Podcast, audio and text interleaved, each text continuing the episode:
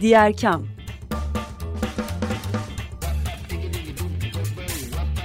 Sosyal fayda dünyasından fikirler, tartışmalar, haberler.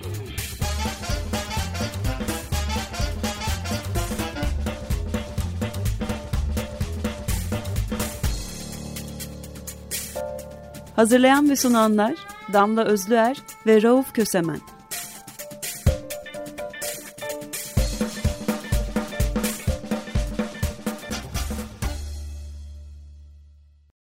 Herkese merhaba. 95.0 Açık Radyo'da Diğer Kam'da Damla Özler'le birliktesiniz. Çok sevgili program ortağım Rauf Kösemen bugün maalesef bizlerle beraber değil çünkü yolda. Geçtiğimiz haftada ben bir hastalık nedeniyle sizlerle birlikte değildim. Bundan sonrasında hep birlikte olacağımıza umutla bakalım diyelim. Ee, bu hafta Diğer Kam'da neler var? Son iki haftadır sizlerle sosyal fayda dünyasında temas eden haberleri paylaşıyoruz. Bu haftada aynı şekilde devam edeceğiz. Oldukça yoğun bir gündemle sizinle birlikteyiz ve konulardan konulara geçeceğiz. Sosyal fayda alanında sürdürülebilir kalkınma hedeflerinin 17'sine birden değen pek çok haberimiz var bu hafta. İlk haberimiz ise nüfusla ilgili zira bugün 11 Temmuz Dünya Nüfus Günü. Birleşmiş Milletler Genel Kurulu 1990 yılında nüfusla ilişkili ve nüfus konusunun çevre ve kalkınma ile ilişkisine dair farkındalık oluşturmak için 11 Temmuz'u Dünya Nüfus Günü ilan etmişti. Hemen hatırlatalım bu arada nüfus ve iklim krizi ilişkisine özellikle dikkat çeken Population Matters'ta Sir David Attenborough'un himayesinde kampanyalarına devam ediyor.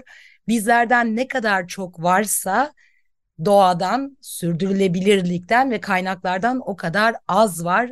O yüzden nüfus artışlarımıza da dikkat etmemiz gerekiyor diyordu.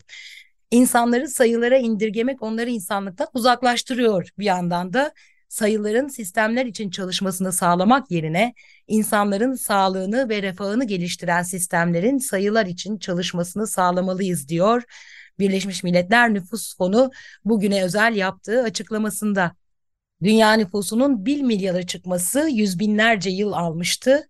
Yalnızca 200 yıl içinde 7 kat artarak 2011'de 7 milyara ulaştı.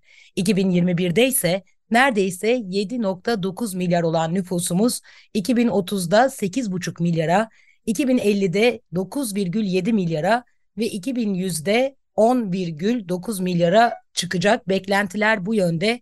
Birleşmiş Milletler Genel Kurulu 1990 yılında nüfusla ilişkili ve nüfus konusunun çevre ve kalkınma ile ilişkisine dair ilk adımı atmıştı bugünü ilan ederek ama bugün durduğumuz noktada küresel iklim krizi, gıda krizi ve güvenlik krizleriyle beraber çok ciddi bir e, nüfus meselesine de bakıyor olduğumuzu görüyoruz.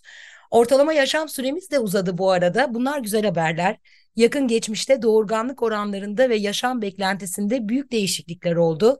1970'lerin başında kadınların her biri ortalama 4,5 çocuk sahibiydi. 2015'te ise ortalama doğurganlık kadın başına 2,5 çocuğun altına düştü.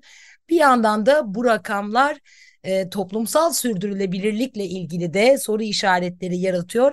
Ancak yaşam süremizin de 64 yıldan 72 yıla yükseldiğini ortalama gözden kaçırmamak gerekiyor.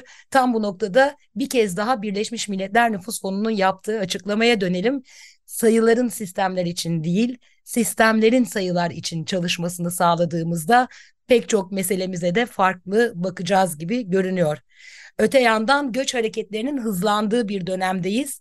Dünya genelinde kentleşme artıyor, göç hareketleri hızlanıyor.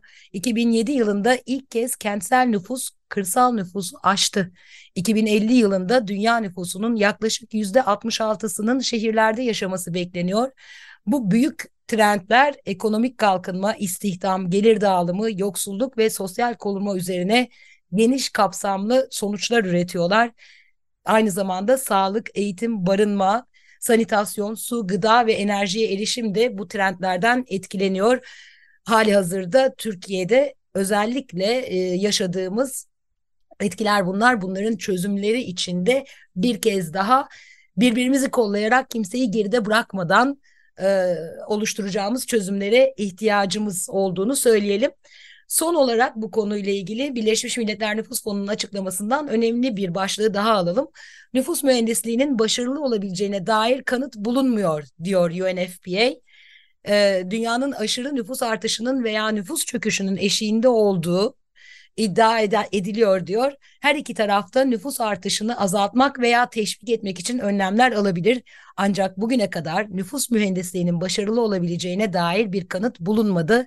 Aksine kadınların kendi istekleri dışında daha fazla veya az çocuk sahip olmaya zorlanması ya da bu kararı vermelerine yardımcı olacak bilgi ve hizmetlere erişimlerinin olmaması üreme hakları da dahil olmak üzere insan haklarını baltalamaya hizmet ediyor. Kısacası meseleleri görürken onlara ürettiğimiz çözümlerde de bakışımızı değiştirmemiz gerekiyor. Son bir not daha verelim. En yoksul kesim emisyonların yüzde onundan sorumlu. Bu arada emisyonlar meselesi artan nüfus değil, e, refahı nasıl dağıttığımız, nasıl kullandığımız ve nasıl yaşadığımızla ilgili diyelim ve buradan başka bir habere geçelim. Siyaset ve medyada kadınları güçlendirmek için yeni bir proje başladı. We Act yani harekete geçiyoruz projesi. Türkiye'de siyaset ve medyada kadınları güçlendirmeyi hedefleyen We Act projesi İstanbul'da tanıtımını yaptı. Proje ortakları Avrupa Yerel Demokrasi Derneği, Kadın Adayları Destekleme Derneği ve Daktilo 1984 Derneği'nden oluşuyor. We Act projesi cinsiyet eşitliği için yerel düzeyde kadınların güçlendirilmesi amacını taşıyor. Proje kapsamında bir katılım çağrısı yayınlanacak çok yakında ve verilecek eğitimlerden yararlanmak isteyen kadın adaylarla sivil toplum kuruluşları belirlenecek. Peki e, bu proje hangi faaliyetleri izleyecek? E, 2024 yerel seçimlerinde aday olan kadınlara eğitim ve rehberlik vermeyi hedefliyorlar. Kadın ve LGBTIQ için hakları için çalışan STK'ların güçlendirilmesini desteklemek istiyorlar. Kadın pol politikacıların görünürlüğünü arttırmak ve cinsiyetçi söylemleri azaltarak medyada toplumsal cinsiyet eşitliğini destekleyecek e, ve klişelerle de mücadele edecekler. Görünen o ki. Buradan bir başka haberimize geçelim. Bu arada haberlerimizi derlediğimiz kaynakları da sizlerle paylaşalım. Çünkü daha detaylı okuma yapmak isteyen ya da daha farklı haberlere erişmek isteyen dinleyicilerimiz olabilir. Yeşil Gazete, e, sivil sayfalar ve EcoIQ özellikle baktığımız ve takip ettiğimiz alanlardan, mecralardan diyelim ve hatırlatalım. 95.0 Açık Radyo'da diğer kamdasınız ve sosyal fayda dünyasındaki haber turumuza devam ediyoruz. Karaca Söğüt koyu Marmaris'in güzide koyudur. Ee, epey de tartışmanın odağındaydı. Karaca Söğüt koyunun değeri tescillendi. Artık kuşaklar boyunca korunacak deniyor. Daha doğrusu korunması için mücadele edenlerin elinde artık bir sit kararı var. Bakanlığın özel çevre koruma bölgesinde yer alması, endemik ve nadir türlere ev sahipliği yapmasına rağmen şirketlerin yat limanı ve marina projeleri için onay verilen Karaca Söğüt Koyu, Helenistik döneme ait buluntularla birinci derecede arkeolojik sit alanı olarak tescillendi. Muğla'nın Marmaris ilçesinde bulunuyor koy, bilenler bilir. Yakın zamanda Çevre Şehircilik ve İklim Değişikliği Bakanlığı Muğla Turizm Çevre Vakfı Turizm ve Ticaret Limited şirketinin yani MUÇEV'in ki pek çok e, harekette adını duyuyoruz onların. E, tekne bağlama iskelesi meselesiyle ilgili gündeme gelmişti. Marmaris Ekolojik Mücadele Komitesi yap tarafından yapılan basın açıklaması çevreyi koruması gereken tüm kurumların doğayı korumaktan uzak imzalara karşı durmaları gerektiğini söylemişti. Artık birinci dereceden arkeolojik sit alanı Karaca Söğüt Koyu buradaki mücadele devam edecek görünen o ki. Sadece Türkiye'ye değil dünyaya da bakıyoruz. Maalesef özellikle iklim kriziyle birlikte hem şiddetleri artan hem de sayıları fazlalaşan afetlerle karşı karşıyayız. Bu nedenle diğer kamdaki haber turumuzda da farklı afet haberleriyle birlikte olacağız. O haberlerden biri Japonya'da şimdiye kadarki en şiddetli yağmur e, ölümcül sellere sebep oldu. Japonya'nın güneybatısında gerçekleşen ve bugüne kadar kaydedilen en şiddetli yağış olduğu belirtilen yağmur sellere ve toprak kaymalarına neden oldu. 6 kişi yaşamını kaybetti. Bilim insanları küresel ısınmanın Japonya'da şiddetli yağmur riskini arttırdığını söylüyor. Yine e, benzer bir haber bu sefer Türkiye'den e, Yangın sezonumuz açıldı bildiğiniz üzere. Hatay'da, Muğla'da ve İzmir'de ardı ardına yangınlar gördük. Şimdiye kadar yangınlar söndürüldü ee, ancak yangın sezonu devam edecek. Akdeniz bölgesinin iklim krizinden en çok etkilenen bölgelerden biri olduğunu hatırlatalım. Bu havzada daha pek çok afetle karşı karşıya gelebiliriz. Ve bir de Karadeniz'i sel vurdu bildiğiniz gibi. Samsun'da can kaybı, Bolu'da heyelan derken e, Karadeniz'de yine sel felaketleriyle karşı karşıya kaldık. Burada hatırlatmamız gerekiyor ki aşırı hava olayları evet afet derecesinde yaşanıyor ve sayıları arttı, şiddetleri de arttı. Ancak bir yandan da bizler de hazırlıksızız. Bu afetlerin felakete dönüşmeleri ve çok ciddi can kayıplarıyla karşı karşıya olmamız kendi seçtiğimiz kentleşme politikalarıyla yakından bağlantılı. Bartın'da etkili olan sağanak nedeniyle ev ve iş yerlerini su bastı. Mahsur kalan 96 yurttaş helikopter, iş makinesi ve botlarla kurtarıldı. Samsun'da ise derenin taşmacı, taşması sonucu bir yurttaş yaşamını yitirirken sağanak yağış sonucu Bolu Dağı tünelinin çıkışında heyelan meydana geldi ve yollar kapatıldı. Önümüzdeki dönemin önemli başlıklarından birinin afetlere karşı direnç olacağı ve dirençli kentlerin nasıl planlanıp nasıl hayata geçirileceği olacağı belli bir gerçek diyelim ve haberlerimize devam edelim. Bir Türkiye'den bir yurt dışından haberlerle devam ediyoruz. Uruguay'da kuraklık, içme suyu tükenen halk sanayi ve tarım politikalarını protesto etti. Uruguay başkenti Montevideo'da son 70 yılın en çetin kuraklığı yaşanıyor kentteki içme suyu rezervlerinin Temmuz ortasında tükeneceği öngörülüyor. Dünyadaki pek çok metropolün de Montevideo ile aynı kaderi paylaşması kuvvetle muhtemel deniyor EcoIQ'nun haberinde. Dünyada temiz içme suyu hakkını 2004 yılında anayasasına koyan ilk ülke Uruguay. Ancak çetin kuraklık devam ederken başkentleri su kriziyle mücadele ediyor. Yağmurdan medet uman Başpiskopos Kardinal Daniel Sturla birkaç gün önce sosyal medya platformu Twitter üzerinde Tanrımız ihtiyacımız olan yağmuru bize acilen bahşetmesini diliyoruz diye bir dua paylaştı. Ancak bu yağmur duasının henüz etkisi olmadı. Metropolün nüfusu 1.3 milyon. Kilisenin manevi desteğine minnet duyuluyor ancak maalesef e, gerçekliğe karşı bir etkisi olmuyor. Uruguay Meteoroloji Enstitüsü bu yağışların yani hafif yağış geçen yağışların kuraklık ve susuzluk krizini gidermek için de yeterli olmadığını duyuruyor. Maalesef La Nina hava fenomeni son yıllarda Uruguay'ı ve özellikle de başkenti adeta çöle çevirmiş durumda. Uruguay'dan adalara dönelim. Adalar Sivil İnisiyatifi adalardaki motorlu araç kullanımının ve trafiğinin adaların dokusunu zedelediğine dikkat çekerek 12 Temmuz'da dayanışmaya çağırdı. Yarın motorize olmuş adalar istemiyorsan, sokaklarda tehlikesiz yürümek istiyorsan, sokakta oynayan çocukların can güvenliğini tehlikede görüyorsan dur de dediler ve yürünebilir adalar için çağrı yaptılar. Adalardaki motorlu araç trafiğiyle ilgili sorunları gündeme getiriyorlar. Adaların büyük bir çoğunluğunun desteğine sahip e, Adalar Sivil İnisiyatifi, adalar için alınmış koruma kurulu kararlarının ve İBB bünyesindeki Ulaştırma Koordinasyon Merkezi'nin belirlediği kuralların uygulanması taleplerini yineliyorlar. İnisiyatif Adalar Kaymakamlığı'nı, İlçe Emniyet Müdürlüğü'nü, İstanbul Büyükşehir Belediyesi'ni ve Adalar Belediyesi'ni göreve çağırıyor. Dayanışma için yarın e, bir araya gelmeyi istiyorlar biraz önce söylediğimiz haberlerimize devam ediyoruz. Bu kez de İspanya'ya geçiyoruz. Hayvan hakları aktivistleri İspanya'daki boğa koşusunu protesto ettiler. Bu orta çağ gösterisi ve bir leke dediler. İspanya'da her yıl gerçekleştirilen San Fermin Festivali'ndeki boğa koşusuna karşı PETA ve İspanyol Hayvan Hakları Örgütü Anima Naturalis'ten onlarca aktivist protestoya katıldı. Aktivistler protesto öncesinde kendilerine boynuzlar taktı.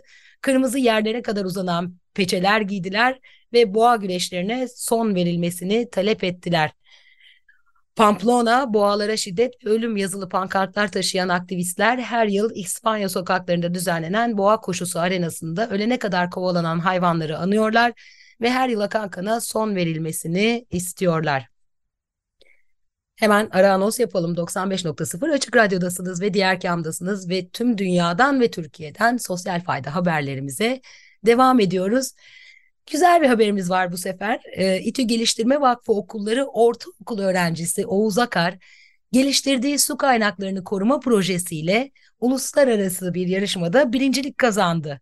Öğrenci projesinde İstanbul'un kullanılabilir su kaynağı Ömerli Barajı başta olmak üzere İstanbul Boğazı ve Göksu Deresi gibi diğer su örneklerinde de gerçekleşen oksijen ve sıcaklık gibi değerlerin olağan dışı değişim sonuçlarını erken dışı erken uyarı sistemiyle yerel yönetimi bilgilendirmeyi amaçladı. Ee, hemen burada bir not daha düşelim. Uruguay'daki kuraklıkla birlikte okuyacağımız bir not.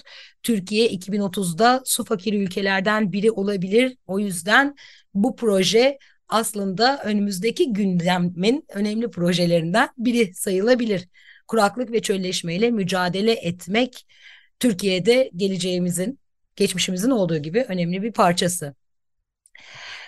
Bir başka haberimizde genç işsizliği ile ilgili Birleşmiş Milletler Kalkınma Fonu UNDP ve Türkiye Belediye Belediyeler Birliği'nin 45 ilde açacağı mesleki eğitim merkezlerinde verilecek dijital eğitimlerin ilk turunda 400 bin öğrenci ve gence ulaşılması hedefleniyor. Burada önemli bir noktaya parmak basıyor Türkiye Belediyeler Birliği ve UNDP Türkiye. Gençlerin yaklaşık üçte biri ve genç kadınların yarısından fazlası şu anda ne eğitimde ne istihdamda yer alıyorlar. Ne et olarak kısaltıyorlar bunu ne eğitimde ne istihdamda diye. Genç işsizliği Türkiye için büyük bir sorun.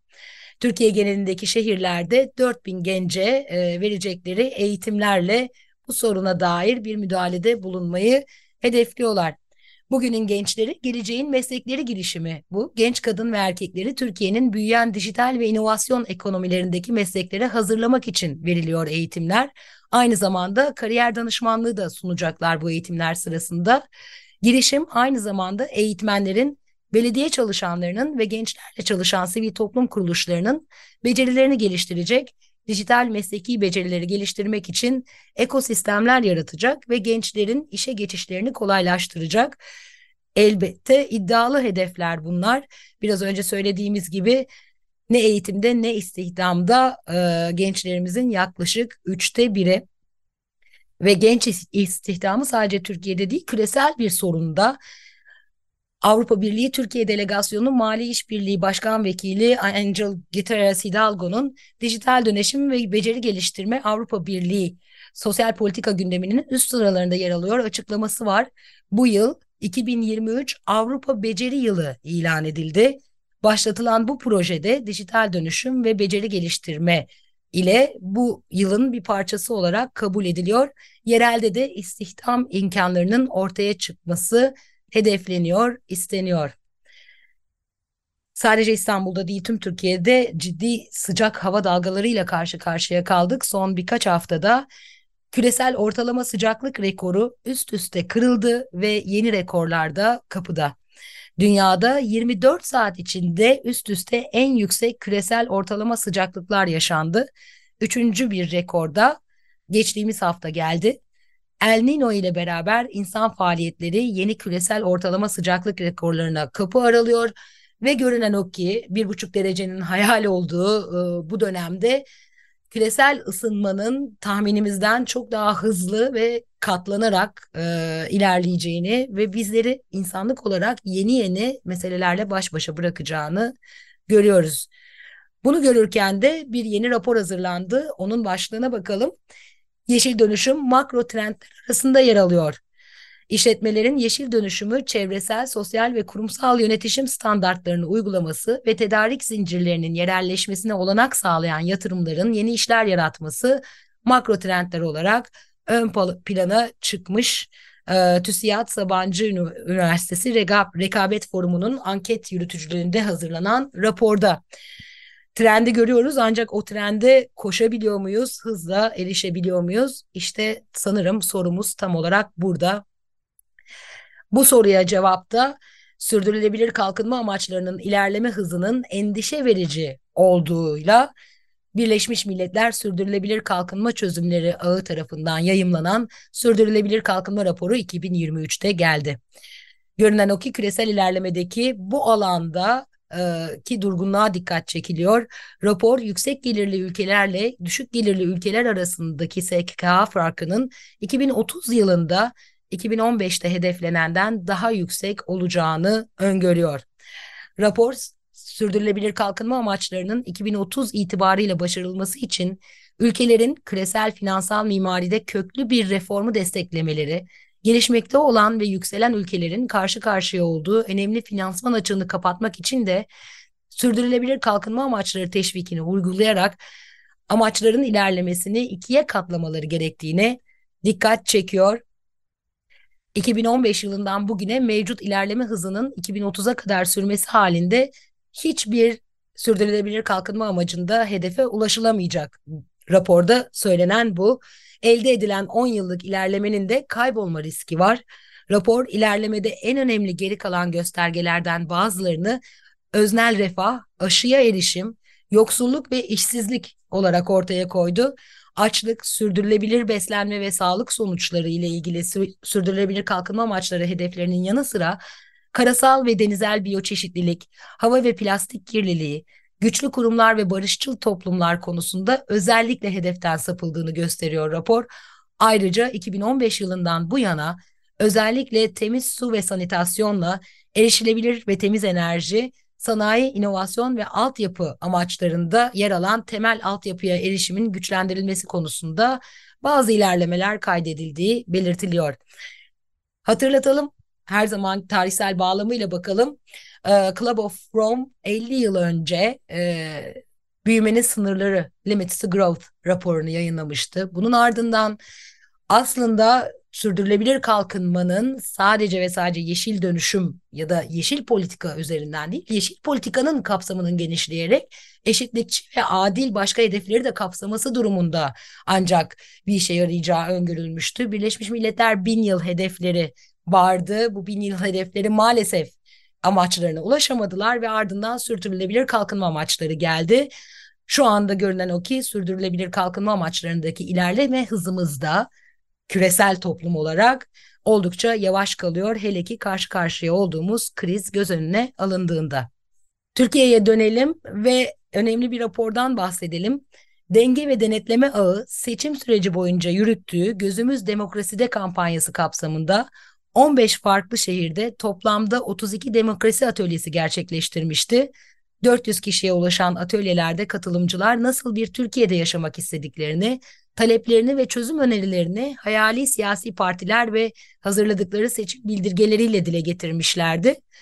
İşte bu e, sonuçlarla demokrasi atölyeleri sonuç raporunu yayınladı. Denge ve Demek Demokrasi Ağı Ekonomi ve niteliksiz eğitim e, katılımcıların sorun olarak gördüğü alanların başında geliyor. Pek çok da çözüm önerisi var. Raporun tamamına sivilsayfalar.org adresinden ulaşabilirsiniz sevgili dinleyenler. Ve son haberimiz zira çok hızlı geçen zaman bu haftada doldu programımızda. Hayat Sende Derneği Doğru Sözlüğü yayınladı.